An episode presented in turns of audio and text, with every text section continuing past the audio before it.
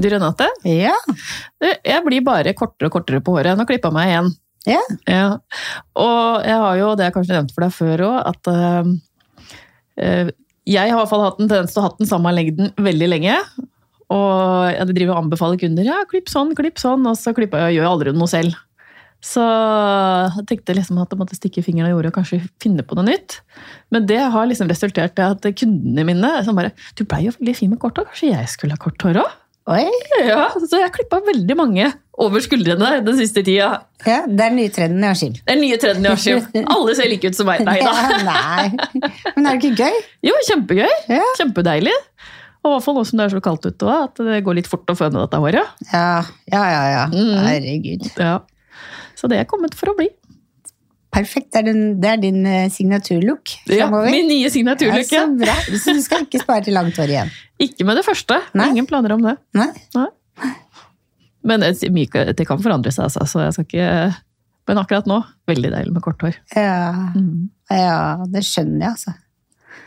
Velkommen til Hårprodden. Jeg heter Renate. Jeg heter Ann-Marit. Ja, Marit. Hva skjer hos deg om dagen, bortsett fra at du klipper mye fancy, fine hele former? uh, jeg driver og planlegger salongen. Ja, Eller, ja den nye så delen. gøy. Så jeg var eh, hos Anne Grete på Tendens i går og planla farger og stoler og border. Og jeg vil jo Det blir jo den samme stilen, men samtidig må jo være noe nytt. Ja. Jeg kan ikke gjøre repeat av samme salongen. Nei, nei, nei. nei. Så Hva blir nytt? jeg skal jo ha et større pauserom, for det er jo veldig lite nå. Ja, Og så skal jeg ha flere klippestoler, selvfølgelig. ja. Og jeg skal ha et VIP-rom. Det er planen. ja. Det er bruder og sånn. Til bruder. Eller Ah. alle kjendisene i Askim. Eller, Ja. Neida. Ja, ja. eller et eller annet. ja. Og så er det også et rom som jeg, ikke, som jeg holder av, som jeg ikke veit hva skal brukes ennå. Mm.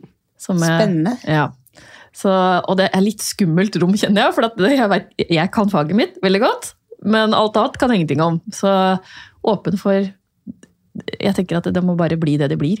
Mm. Jeg veit ikke ennå. Jeg holder av et rom, i hvert fall. Så spennende. Mm. Hvor mange nye frisører får du plass til? Eh, det vet jeg ikke ennå. Jeg har sagt hva slags type bord jeg vil ha. Vi har rundt bord, jeg. Ja.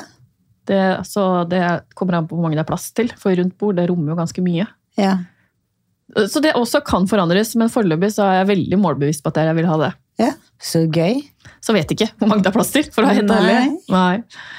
Så det surrer og går sånn ca. 24 timer i døgnet akkurat nå. Ja. Mm. Hva med deg? Jo, hva med meg? Jeg er veldig fornøyd om dagen, fordi vi har jo sendt inn bildene til årets team, til årets frisør, og med det så har jeg jo da allerede selvfølgelig kjenner meg. Jeg bestilte kjole og fikk levert på døra for to uker siden, så jeg begynner å planlegge at jeg skal dit. Jeg sjekka at jeg har fri. Så jeg skal dra og se på Jace, som jobber hos meg, som skal konkurrere som en del av lærlingene våre på dagtid. Og så skal jeg hjem, og så skal jeg style meg sjøl, og så skal jeg spise middag med resten av bransjen. Det gleder jeg meg til. Men det har også gjort at eh, i og med at jeg ikke valgte å ta egne bilder, så har jeg tatt opp kontakt med modellene mine og skal ta nye bilder til våren istedenfor, for da har jeg bedre tid Lurt. i april.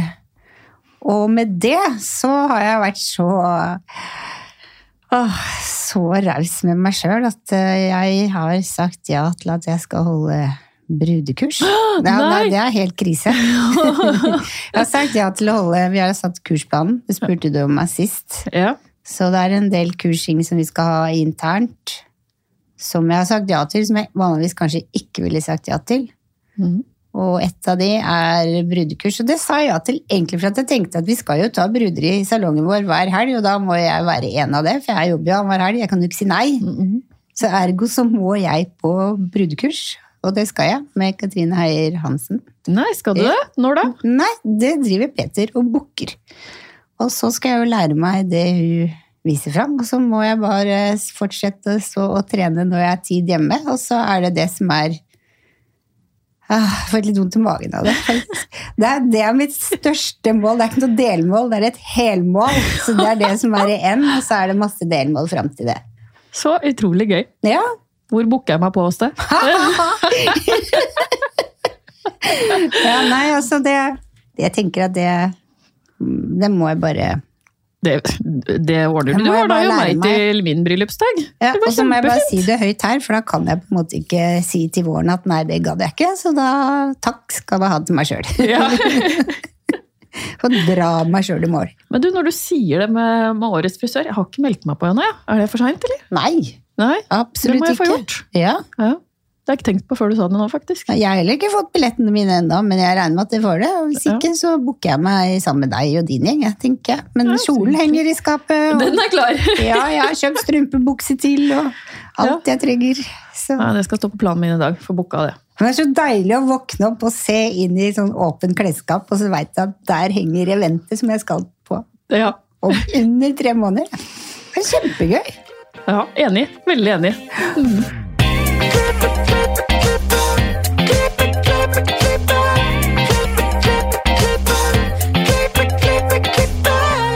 Men når det er sagt, så sitter jo ikke vi her aleine. Og dagens gjest har drevet flere salonger og har jobbet som educator i mange år. I dag jobber hun internasjonalt for Moroccan Oil og har jobbet for flere TV-produksjoner i Norge de siste årene. I tillegg jobber hun hos Studio M på Lillehammer, hvor hun tar imot kunder. Velkommen til oss, Grete Helen Sagmoen. Tusen takk. Så hyggelig å ha deg her. Du, veldig gøy å være her. Det, jeg har jo fulgt med på dere hele veien opp igjennom og gleder meg hver uke til eh, ny episode. Og bare å høre på den praten mellom dere to òg, alltid veldig inspirerende. Så det er stas å få være her. Kan ikke du fortelle, eller starte med å fortelle hvordan din karriere starta? Du, jeg hører eh, mange som har vært her sier sånn ja, du husker de klipte Barbie-dokker når de var små. Det husker liksom ikke jeg, men jeg husker at jeg alltid har vært veldig sånn opptatt av klær og opptatt av, ja, opptatt av hår òg. Jeg var ikke så opptatt av å klippe, tror jeg, da jeg var liten, men jeg var eh, Så det er liksom Og det var liksom egentlig det det starta med òg. Jeg visste vel egentlig at jeg hadde lyst til å jobbe på en eller annen måte med noe innen fashionindustrien. Men dreiv vel og følte meg litt frem. Og så hadde jeg foreldre som har drevet butikk i alle år og mente at jeg skulle ha noe type handelsskole, som det het da, i bunnen. Så det var liksom sånn, du, du må jo ta noe mer først. Skulle vel ha noe å falle tilbake på, da, sikkert. Eh, Så da starta jeg jo på handelsskolen, da, og hata jo hver eneste dag der. Så gikk to år med ekstremt dårlige karakterer og ekstremt høyt fravær. Så det siste halvåret på andre året så sa mora mi at jeg tror bare du kan få begynne på den frisør, for da hadde jeg liksom begynt å peile meg mer og mer inn på på frisør. Så da fikk jeg jobb som lærling på en salong på Lillehammer som het eh, Pers salong. Stor salong den gangen, det var 19 ansatte når jeg starta der. Eh, Og han hadde liksom, fikk veldig fort trua på meg, sånn jeg hadde vært der et halvår, jeg starta i august, og i januar da så starta jeg på PO Point-skolen, første kullet som var i Norge med PO Point-skolen, eh, som han betalte privatskole for meg da. Oi, Ja, så det var, det var raust. det var raust. Ja, det var raust. Og da var gnisten tent, da. Ja. Og siden da har jeg aldri hatt lyst til å gjøre noe annet enn å drive med hår. Sverger du til Pivot Point? Du, jeg har liksom ramla litt av den, og jeg må si de seinere åra nå, jeg har vært liksom veldig mye litt sånn det varierer jo hvor vi henter inspirasjon, og er, på mange måter så er jeg veldig en sånn hva skal man kalle det, en sånn visual eh, cutter, hvor jeg liksom jobber litt mer organisk gjerne. Men jeg har landa mer og mer, jeg går mer og mer bak til de basic tinga nå. Sassoon, pivot point, og bryter ned enda mer teknisk, liksom. Og er veldig på den fronten om dagen. Jeg er ikke riktig så mye på frihåndsfronten, og man gjør jo alltid det som en avslutning uansett, for å sette sitt liksom, fingeravtrykk på, på klippen. Men eh, ja, veldig glad i det tekniske. Men eh, jeg har nok ikke vært flink til å følge PO Point i alle år, som sagt. Det varierer hvor, vi, Henter, ja. hvor inspirasjonen er. Der går det jo litt i poker òg. Ja, det gjør Det det, altså. Absolutt. Det gjør det, og det ser man med hva man jobber med med hår. Jeg har jo det som var inngangsporten min for å begynne å jobbe med kreative ting, var jo langt hår. Jeg har elska langt hår. Du, jeg vet jo at du har snakka mye om at du Ja, syns det er skummelt. Ja, ja, ja. Og det var det med meg når jeg starta med det òg. Jeg husker første bruden min. Jeg jobbet, da jobba jeg enda på den Pers eh, salong. Og der hadde vi en sånn lang gang fra helt innerst. Jeg stelte meg innerst i den gangen jeg skulle ha brud, for jeg grudde meg jo så fælt. Og før vi kom til kassa Jeg står for hvert steg hun tok, så ramla den frisyren lenger og lenger og lenger ned. Så Men eh, så ble det Jeg husker første gang jeg var på et kurs med Johan og Peter Helstrøm fra, hos Bjørn Aksen, eh, og ble helt tent på sånn hår vil jeg gjøre òg. Og de kjenner jeg jeg vil på kurs med òg. Ja, Ja. de, altså, de var helt Jeg vet ikke hvor mye kurser de holder nå. Det var ikke han gjest hos dere her for en Jo, stund siden? Ja. Stemmer. ja, vet du hva. Det er magisk, det de gjør med henda. Mm. Så de tente gnisten, og så jobba jeg den gang da jobba jeg hos Matrix, og da var det ei svensk dame som heter Karin Andersson. Så ble liksom min mentor da inn på langt hår. Mm. Så da jobba jeg med det veldig mye. Gjorde bilder. Nå har jeg dessverre ramla litt av å levere inn bilder og sånn til årets frisør, som dere er flinke til. Det er mye jobb. Det er veldig mye jobb. Men jeg vant regionen vår én runde. Jeg har vært nominert to ganger, men jeg vant regionen vår. Så det var jo på langt. Og da ble jo den gangen så ble Det visste jeg ikke da, men forbundet videresendte sånn at når du hadde da vært en av de regionsvinnerne, så var du eh, nominert i OMC Hairwell som holdes i Milano. Og der var bildene mine eh, nådd opp, og der fikk jeg andreplass. Nei, så gøy! Ja, så en eller annen fra Frisørforbundet var oppe på scenen og henta den Nei. eh, pokalen jeg fikk der, så den fikk jeg når han kom hjem. Fantastisk! Ja. Gjør de det fortsatt? Du, det, jeg har liksom ikke hørt om, og jeg hadde jo ikke peiling at det var sånn den gangen heller, så jeg visste det jo ikke før det var over. Nei.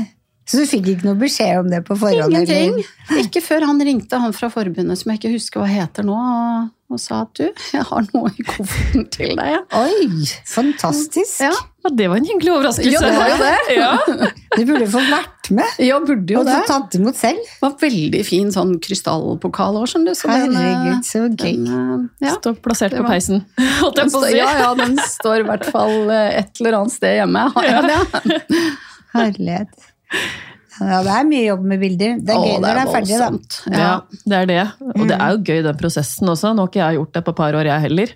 Fordi, akkurat som du sier, det er mye jobb. Det er mye jobb, men det gir så mye kreativt å gjøre det. Og når man har gjort det og får bildene og det er, eh, det er en veldig bra prosess, men jeg tror eh, det er så fort gjort når man da har ramla av og ikke har gjort det på noen år. Mm. Så er det så tungt å komme i gang igjen, men man burde absolutt gjøre det. Det er en prosess som alle For der må du fra start til slutt. Du må velge fotograf, du skal velge makeup, du skal velge uttrykket du vil ha. Du skal velge hva du vil gjøre. Ja, jeg elsker egentlig den prosessen, så jeg vet ikke hvorfor jeg egentlig ikke har gjort det. Kanskje, Ja, det høres ut som det kommer til å skje igjen en gang. kanskje, ja, kanskje, kanskje jeg må ta meg sjøl i nakken.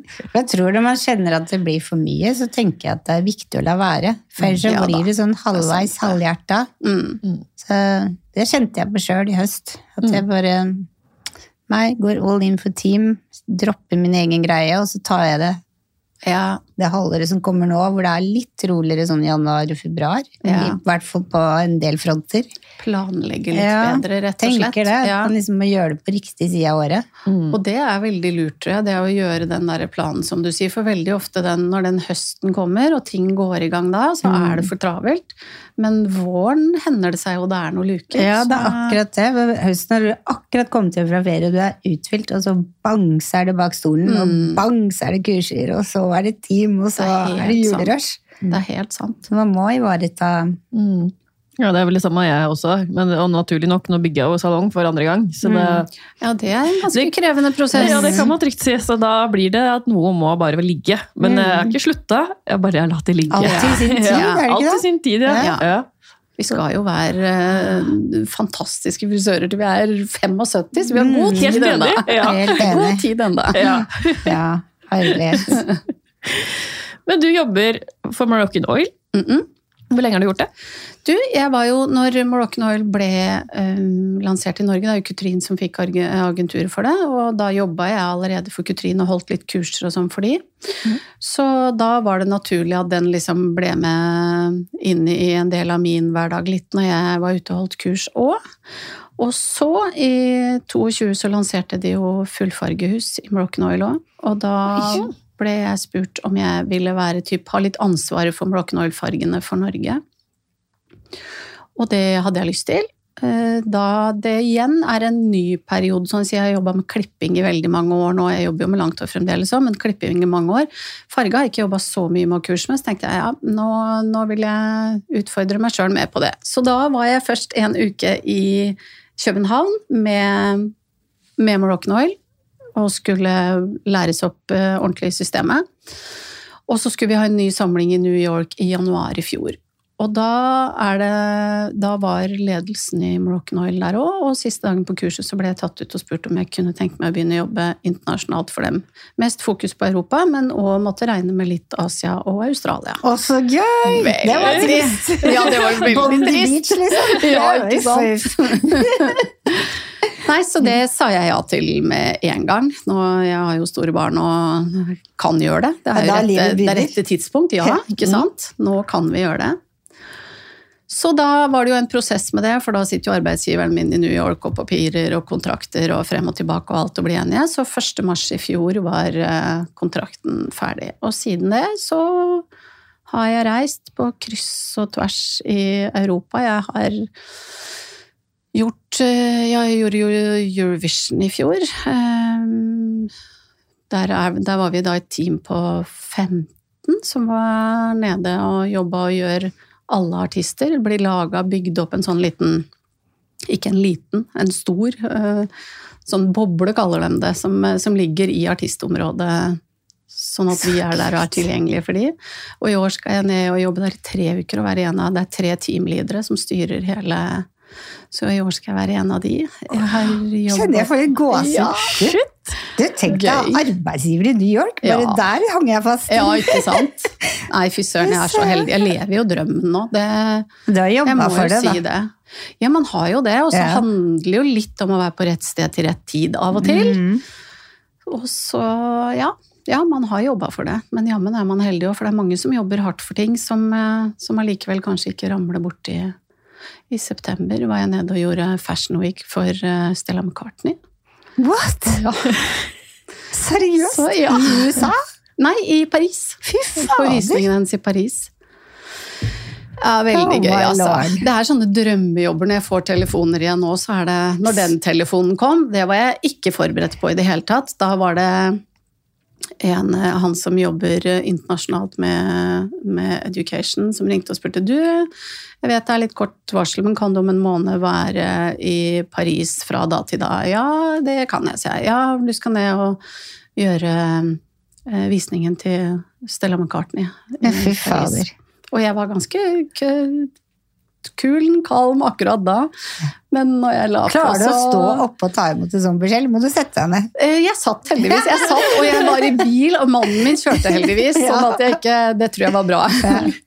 For det, det er sånne drømmejobber som du ikke har sett for deg. Jeg har alltid, jeg har alltid når jeg var yngre også, jeg har alltid vært veldig På 80-tallet, før jeg liksom starta i, som jeg sa, jeg har vært liksom med fashionindustrien, med de 80-tallets supermodeller, og jeg kunne se på alt som var med dem, og drømme om at man skulle jobbe backstage med, med sånne type ting. da. Mm. Men noen fashion weeks og sånne ting har jeg aldri jobba på. Men jeg har alltid sagt at nei, men en eller annen gang er det en eller annen designer som er up and coming og, og har Som jeg kjenner til og har vært borti på et vis, så kanskje jeg får en forespørsel om å være med. Men at første forespørselen skulle komme fra Stella McCartney, hadde jeg liksom ikke helt sett for meg da, selvfølgelig. Nei, fy søren. Så du noen kjendiser der? Du, tonnevis. Oi, oi, oi. Det, ja, vi jobba jo Vi var jo backstage hele veien med og Stella McCartney og fikk beskjeder, og, og der var Ja, hvem var der, da? Eh, Paris Hilton, eh, Kate Blanchett eh, Jeg husker ikke navnet på alle. Han eh, Chris Rock, er det det han heter? Ja. Um, disse Olsen-jentene. Uh, ja, det var eh, Det var massevis. Første rekka på visningen der var Og da var, jo, var det jo stengt av en av hovedgatene i Paris for hennes eh, visning. Og så hadde hun bygd bygd opp hele gata som om det var et marked, liksom, med masse boder med både grønnsaker og fra Kids-kolleksjonen hennes, og med hva som var inspirert av for den høstens uh, inspirasjon, eller for våren uh, nå, da, uh, var veldig inspirert av moren og faren hennes, og at de har hatt veldig et sånn unisex klesskap. At han har like gjerne brukt hennes klær som hun har brukt hans klær. Det er kult. Tenk deg å vokse opp med det. Ja. Fantastisk. Ja, fy søren. Det... Og det er way back, liksom. Det er way back, ja. ja. Mm. Men åssen var det å være backstage der? da? Var det liksom intensivt og hardt? Ja, liksom, det, er ganske, eller? det er ganske intensivt. Nå er det jo han som liksom styrer eh, hele visninga. Det er en franskmann som heter Eugene Soleiman. Han, eh, han har jo et stort team, og det er jo han som har jobba med Stella McCartney hele veien, veien for å finne sin visjon sammen med henne. Da, med, så det er pulserende, og det er travelt, og det er fryktelig, fryktelig mye folk. Anna Winter glemte jeg å si forresten at jeg møtte backstage. Ja, det er jo den som jeg burde sagt først! Um, ja, men, eh, men så inspirerende. Det, Ja, for du hører liksom Når folk snakker om det, så er det noen som er nesten helt avskrekka av å jobbe på en sånn, Mm. sånn backstage, mens noen synes som deg høres ut som det her har bare vært ja, det jeg, Gøy. Jeg trives veldig godt på jobb når det koker. Jeg gjør det, altså. Det, å se hva Og så er jo liksom fordelen med å jobbe sånn jeg gjør nå, da. Det er det samme om jeg jobber, om jeg jobber med det her eller i TV-verden, så jobber du liksom med folk som er så innmari flinke på sitt felt, da. Så jeg lærer jo så mye. Hele tida. Men hvordan samordner du det med salongen og kundene dine? Nei, nå blir det veldig lite salong. Ja. Det gjør det, altså. Ja. Nå, er det, nå er jeg på salongen eh, hver sjette uke. Ja. Er jeg, og da har jeg helt fulle lister med de faste Så jeg har jo liksom måttet trappa ned. Jeg har jo, jeg tror det er elleve år siden jeg stengte liksom kundelistene mine for nye kunder. Og i prosessen nå med å reise så mye som jeg gjør, så har jeg liksom måttet trappa ned. Så jeg har liksom nesten måttet slått opp med kunder, og det er ganske Det er vondt, altså. Ja, det vil jeg tro. Det er vondt, og så føler du det vondt for kunden, og så er det litt kjipt for kunden. Og liksom, ja, så jeg, men heldigvis, da. Så datteren min er eh, frisør og jobber i samme salong. Og så er det på en måte, da syns de på en måte det er greit. Så nå har vi liksom en sånn greie at ok, når timene passer opp med at jeg er der hver sjette uke, så er vi hos meg. Og så setter jeg det opp hos Anniken ellers, for alle setter opp for et år i forveien. Så da booker jeg det inn, så de vet nesten ikke selv når de kommer i salongen om de skal til meg eller til Anniken. Dette er den ultimate frisørdrømmen. Ja. En datter som er frisør, og reiser rundt. Og jeg kjenner at jeg blir litt misunnelig. Det Nei, man er heldig. Man er det. Men det er viktig er det du kjenne på liksom Du har jo hatt barn, og du har gjort så mye. Åssen har du fått ting til å gå opp, liksom? Ja, det, jeg har jo heldigvis hatt en mann hele veien da, som eh, er så støttende og heier og vil jeg skal gjøre det. Og han har alltid hatt en jobb som har vært åtte til fire, så han har kunnet hente i barnehagen, og det er liksom Vi har alltid kunnet lagt opp løpet rundt det. Mm.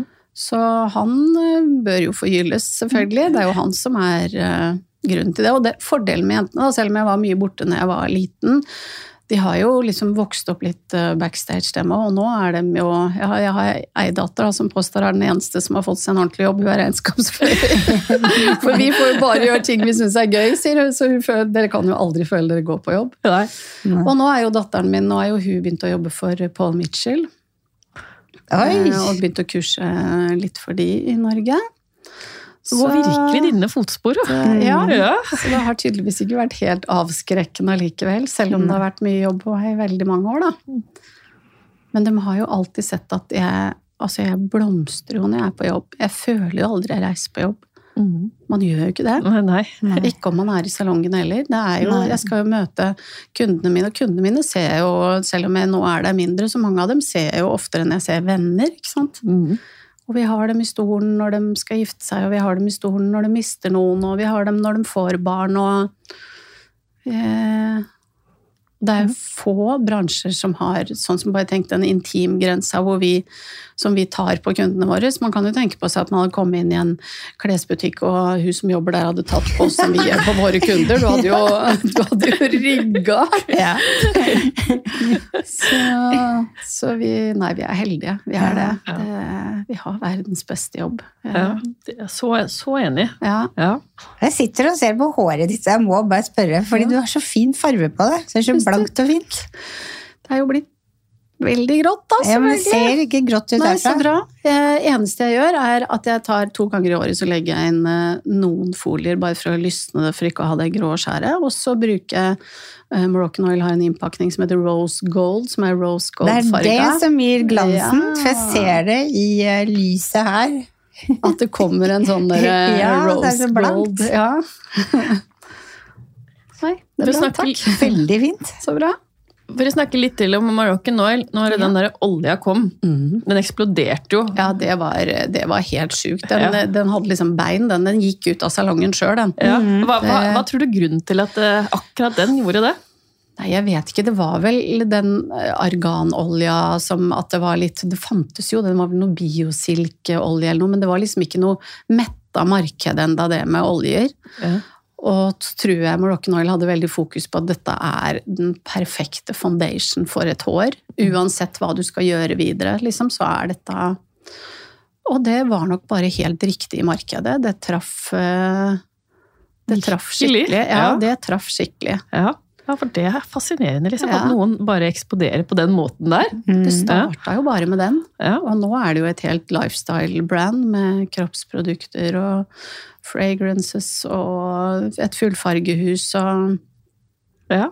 Og olja, den går fortsatt så det suser. Olja går fortsatt. Ja. Det gjør den. Og nå kommer den eh, helt ned. Det har jo vært to versjoner. Det har vært den vanlige olja som kom, og så kom det jo en light-versjon. Som var litt, lys, litt sånn ja, for lysere litt hår. for de lysere håra, for at det ikke skulle For noen kunne liksom ta opp litt av det gylne i olja, da.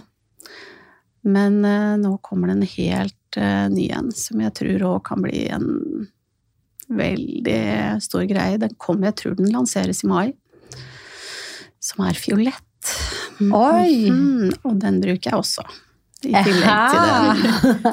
Så det er det som gjør at jeg klarer å holde sikkert den der, der For den må være ganske kald for at den der rose gold ikke skal begynne å liksom At den blir den der lyse pastell, ja. Ja. Ikke sant? Mm.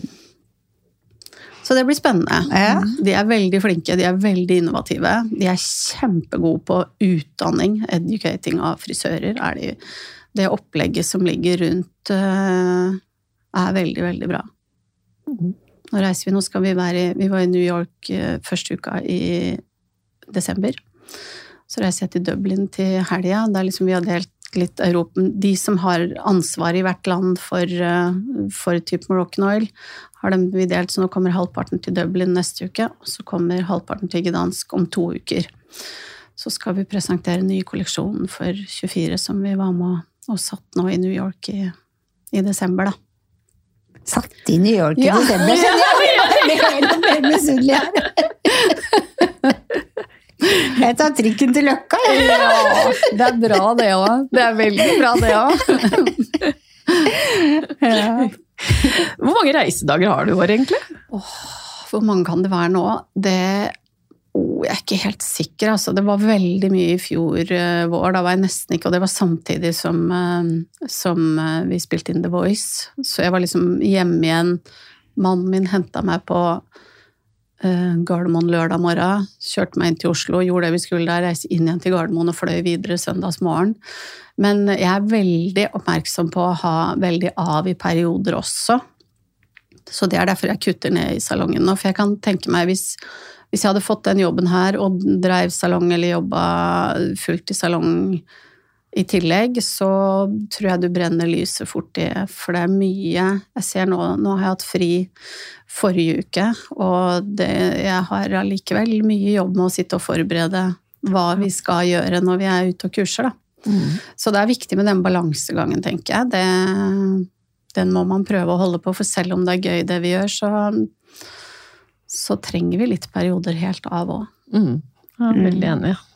Men da har du på en måte i livsfaser, og nå snakker jeg egen vinning her, for jeg har Ja. jo små barn, så det er Ja. derfor det passer bra å være i salong akkurat nå. Absolutt. Ja, så det, det, det, gjør så det, har du altså. liksom vært bevisst på det liksom, når barna var små. Ok, nå gjør vi det, og så får det andre Ja. komme seinere. Ja, må jo må finne de balansegangene der med. Og da Jeg har jo drevet salonger eh, i Lillehammer òg, og jeg reiste jo betraktelig mindre da, selv om jeg har, jeg har jobba med utdanning av frisør i 26 år nå, tror jeg. Oi, wow.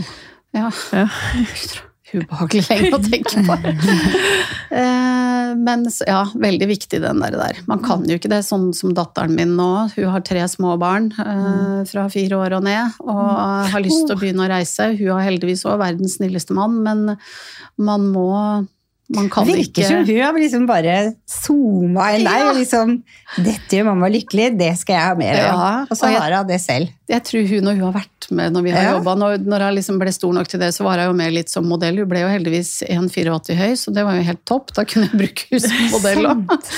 Eh, så jeg tror hun har elska liksom, ja, det der når det koker, eh, koker på jobb. Ja. Men det, det tenker jeg er det som skiller en frisør som elsker jobben, og en som bare går på jobb og kanskje ikke elsker jobben helt ennå. Ja, Det er det at vi elsker når det koker. Da Ja. får vi gjort alt. Ja, det da er man all over the place. Man er så Og så kjeder man seg når det, er, når det er rolig Ja, det er jo grusomt. Og så har du de som er motsatt, som bare 'Å, det er chill, det er deilig', Ja. da koker jeg, orker ikke. Nei. Ja. Da kanskje man er på feil sted. Det er jeg veldig enig i. ja, det var godt sagt, faktisk. Det tror jeg. Ja, Ja. faktisk. Det, det var nok eh, kloke ord, tror Ja. jeg. For hvis du skulle vært kunde, da, vil du gå til en frisør som er energisk? Eller vil du gå på en frisør som ikke egentlig orker? Ja, Det sier seg selv, det. Mm. Mm. Er helt så klart. Mm. Bra reflektert. Ja, men det Ja, kom jeg på nå. absolutt. det kom til deg nå. Ja, det var datt, det må være derfor. Ja, men det er helt sant. Og Mm. du merker jo det. Jeg vil tro kundene våre merker fort når de setter seg i stolen, om det er ei som virkelig kan jobben sin, eller eh, ei Ja. som er her for det her av var der tjenepengene sine. Ja, ikke sant? Ja. Mm. Jeg var blei noe frisør, da. Ja, sant. Hva, hva tror du er den neste eh, store hårtrenden? Nei, jeg tror jo det med eh, sunne, blanke hår har jeg veldig trua på. Eh, jeg tror og på den der, der at vi går veldig mye tilbake på det tekniske som vi har gjort. At vi har vært, det har vært mye frihånd nå, men det der å finne at du alltid har en hvorf, hvorfor du gjør det. Hva gjør du, og hvorfor gjør du det? Ok, men hvorfor Greit, jeg ser at du tvister håret og du bruker saksa unnifra og klipper opp, men hvorfor gjør du det? Hva slags effekt får du av det i forhold til at du hadde gjort Du hadde tvista men du hadde tvista det andre veien, så hadde du gått fra ovenfra. Hva Ja. gjør at det Så jeg tror eh, Jeg tror fortsatt at vi kommer til å ha, ha mye tekstur i hår, men jeg tror det kommer til å bli enda mer fokus på shine, styling. Styling er en eh, kunstform. Riktig styling av hår.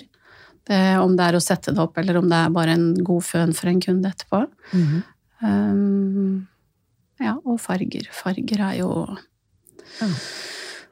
Ja, alle, alle teknikker vi står og jobber med. Og igjen der òg, legge, en- legge en plan bak det du gjør. Hva gjør du? Skal du lage mer dimensjon i håret? Skal du, ha, skal du lage Gjør du det for å få mørkere røtter? For å bygge en eh, mørkere base? Du, at du alltid liksom tenker over hva du gjør, og hvorfor du gjør det, og hva du vil oppnå med å gjøre det du gjør, da. Mm. Og i hvert fall vi som jobber som educators, det gjør vel dere to, begge to litt òg, at, vi- at vi alltid kan svare på hvorfor vi gjør hva vi gjør. Mm. Hva tror du det kan gjøre at du er litt lykkeligere som frisør lenger? Hvis du liksom jobber med å tenke på hvorfor du gjør som du gjør? For de periodene man liksom går inn i sånn robot hvor huet er på andre Ja. ting, og man gjør ting Ja, på så sånn tror jeg Det er jo grusomt hvis du, er, hvis du skal gjøre ting som du ikke er komfortabel Ikke med. Da, sånn som vi når vi begynte med langt hår. Og er UK. Men det å være trygg i jobben din, da, det med, med å utdanne seg Altså, jeg kan ikke få nok. Jeg, jeg har medlemskap i Sasun på nett, jeg er på Behind the Chair, jeg er på Hair in Motion, og jeg er inne og Når jeg setter meg for kvelden, så er det liksom det er det jeg setter meg for, og som jeg syns er gøy å se. Når jeg er på fly, så laster jeg ned at det er sånne ting jeg kan sitte og se på. Og den tryggheten, ha tryggheten i jobben, om det er med klippeteknikker du gjør, eller fargeteknikker, eller produktkunnskap, ikke minst. Hvor mye mer du selger når du er trygg på produktene dine. Mm. Det, jeg ser, jeg har vært, vi har jo vært på Studio M bare siden november. Jeg har jo drevet sjøl med datteren min i salongen der. Og har, jeg tror ikke de egentlig har hatt så mye fokus på Moroccan Oil, de har hatt det der. Eh, Det salget har eh, økt betraktelig, for det er noe med å du, du kan det, og igjen, hvorfor? Jeg bruker det produktet for jeg vil eh, lukke skjellaget ditt. Jeg vil at du skal ha et litt sånn glassaktig utseende når vi har føna det. Derfor bruker jeg den, og så låser jeg inn det med en volumskum. for Og står du og forteller sånn til kundene, så tre, du trenger jo aldri selge produkter. De, altså, de, de er jo solgt allerede. De har jo lyst på alt du setter foran dem.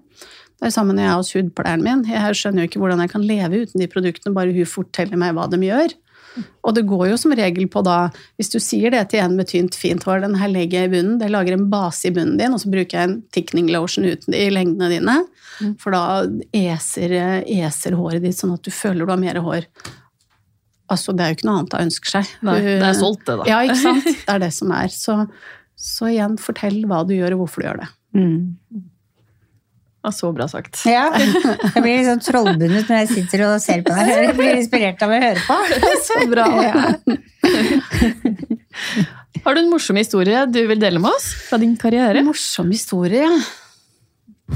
Ja, nå har jeg, jo, jeg har jo jobba med utdanning i, i 26 år, men første kurset jeg holdt som jeg sto på scenen, det var vel da kanskje, for jeg starta, jobba et par år først i salong med å være ute med produktkurser og sånne ting. Eh, Da fikk jeg en telefon fra Lauget på Gjøvik, de skulle egentlig ha et kurs om kvelden, og da hadde vel jeg vært i en eller annen salong der da, med et eller annet, og så tenkte de sikkert, hun kan vi ringe. Og jeg husker ikke hvor mange de var, 60 stykker eller noe sånt, det var ikke sånn kjempemange. Eh, Men jeg tenkte ja, vanskelig kan det være, tenkte jeg. Og sa ja, jeg selvfølgelig. Nei, det var grusomt. Det, ja, det var grusomt. Det, var, det tror jeg var et så elendig kurs som man kan klare å få til. Så når jeg gikk av scenen den dagen, så sa jeg det her gjør jeg aldri igjen. Nei.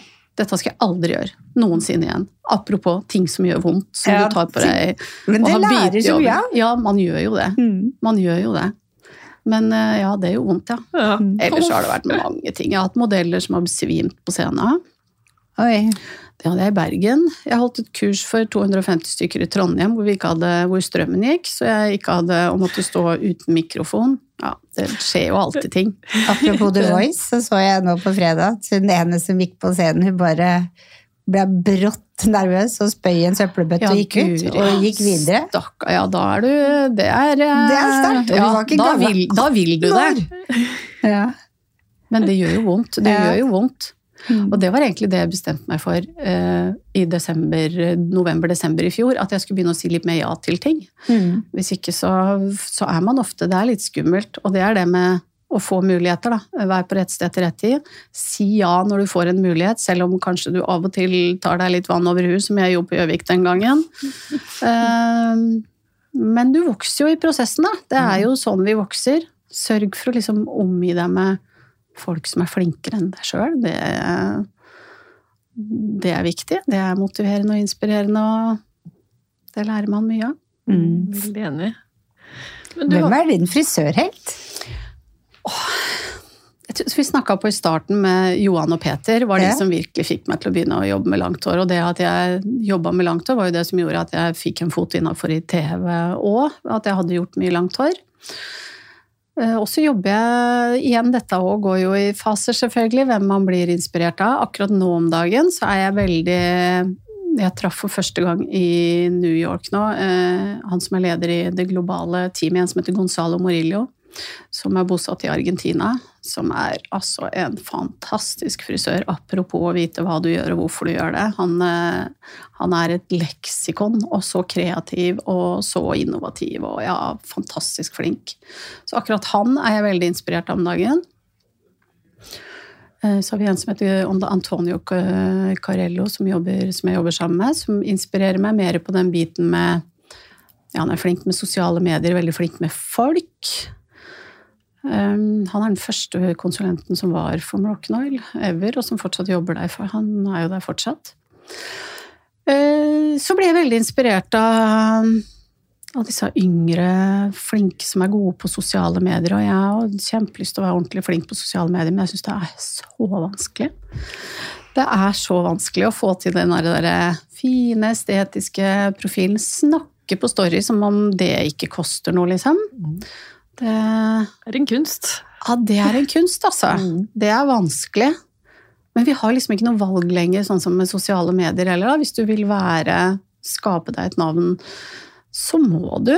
Mm. Så man må prøve så godt man kan, da. Men jeg blir veldig inspirert av de som virkelig, virkelig er gode på det. Mm.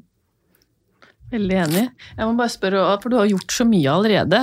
Hva er ditt neste frisørmål? Er det noe du har som dere, det skal jeg få til en gang? Jeg, jeg gleder meg nå til jeg, til, jeg håper jeg får mer muligheter til å være med å gjøre bl.a. Fashion Weeks. Mm. Kanskje jobbe enda mer og være med mer fra starten av. Med, nå har jeg jo fått vært med på, fra et punkt av stadiet for å være med å bygge opp den nye kolleksjonen til Moroccan Oil for neste år, blant annet. Men kanskje være med helt fra starten av, være med å bygge kolleksjonene. Fra de starter å bygge grunnmuren fra mm. Gøy. Ja. ja. Så gøy. Ja, jeg kjenner at jeg har fått meg en ny frisørhelt her i hvert fall. Ingen tvil! Det er hyggelig sagt, det. helt imponerende hva du har fått til. Og, ja. Men vi har jo også ti kjappe spørsmål. Er du klar for det? Jeg er klar. Eh, farve eller klipp? Um, åh, det blir som å velge mellom ungene mine. Må, det, kan man velge begge der? Der klarer jeg ikke å velge, tror jeg. Ja, nei, det skal du få lov til. Takk. Favorittprodukt? Eh, der òg igjen går det i perioder, selvfølgelig. Men jeg er veldig glad i en skum som heter Curl Control Mousse. Som er et sånn veldig flerbruksskum som forandrer seg i konsistens og hold ettersom du jobber det inn i hendene dine. Og super å føne på. Veldig fin å jobbe på når du jobber backstage, hvor du ikke må Den klabber ikke om du bruker rundbørster og Ja, tror jeg velger den. Langt eller kort hår? Eh, langt. HM eller Holsweiler? Eh, Holsweiler. Sjokolade eller chips? Chips. Norge eller Syden? Syden. Naturlig farge eller crazy color? Eh, naturlig. Øl, vin, bobler eller drink? Eh, bobler. Sasun eller Guy Tang? Sasun. Instagram eller TikTok? Instagram. Bra, det var ti kjappe, det. Ja, det var ganske kjappe, det. Imens så fikk jeg filma litt, jeg. Ja. ja. tusen, tusen takk, Grete, for at du ville komme og dele din historie med oss. Jeg kjenner at jeg er oppriktig misunnelig. Så bra. Ja. Tusen takk for at jeg fikk komme. Ja, gjør det. Det er veldig hyggelig. Følg gjerne oss på sosiale medier, Instagram, Facebook og TikTok. Og du kan høre episoden på iTunes eller Spotify. Og gi oss gjerne stjerne på iTunes. Da blir vi veldig glad, og det mener jeg helt oppriktig. Ja. og så høres vi neste uke. Ha det bra!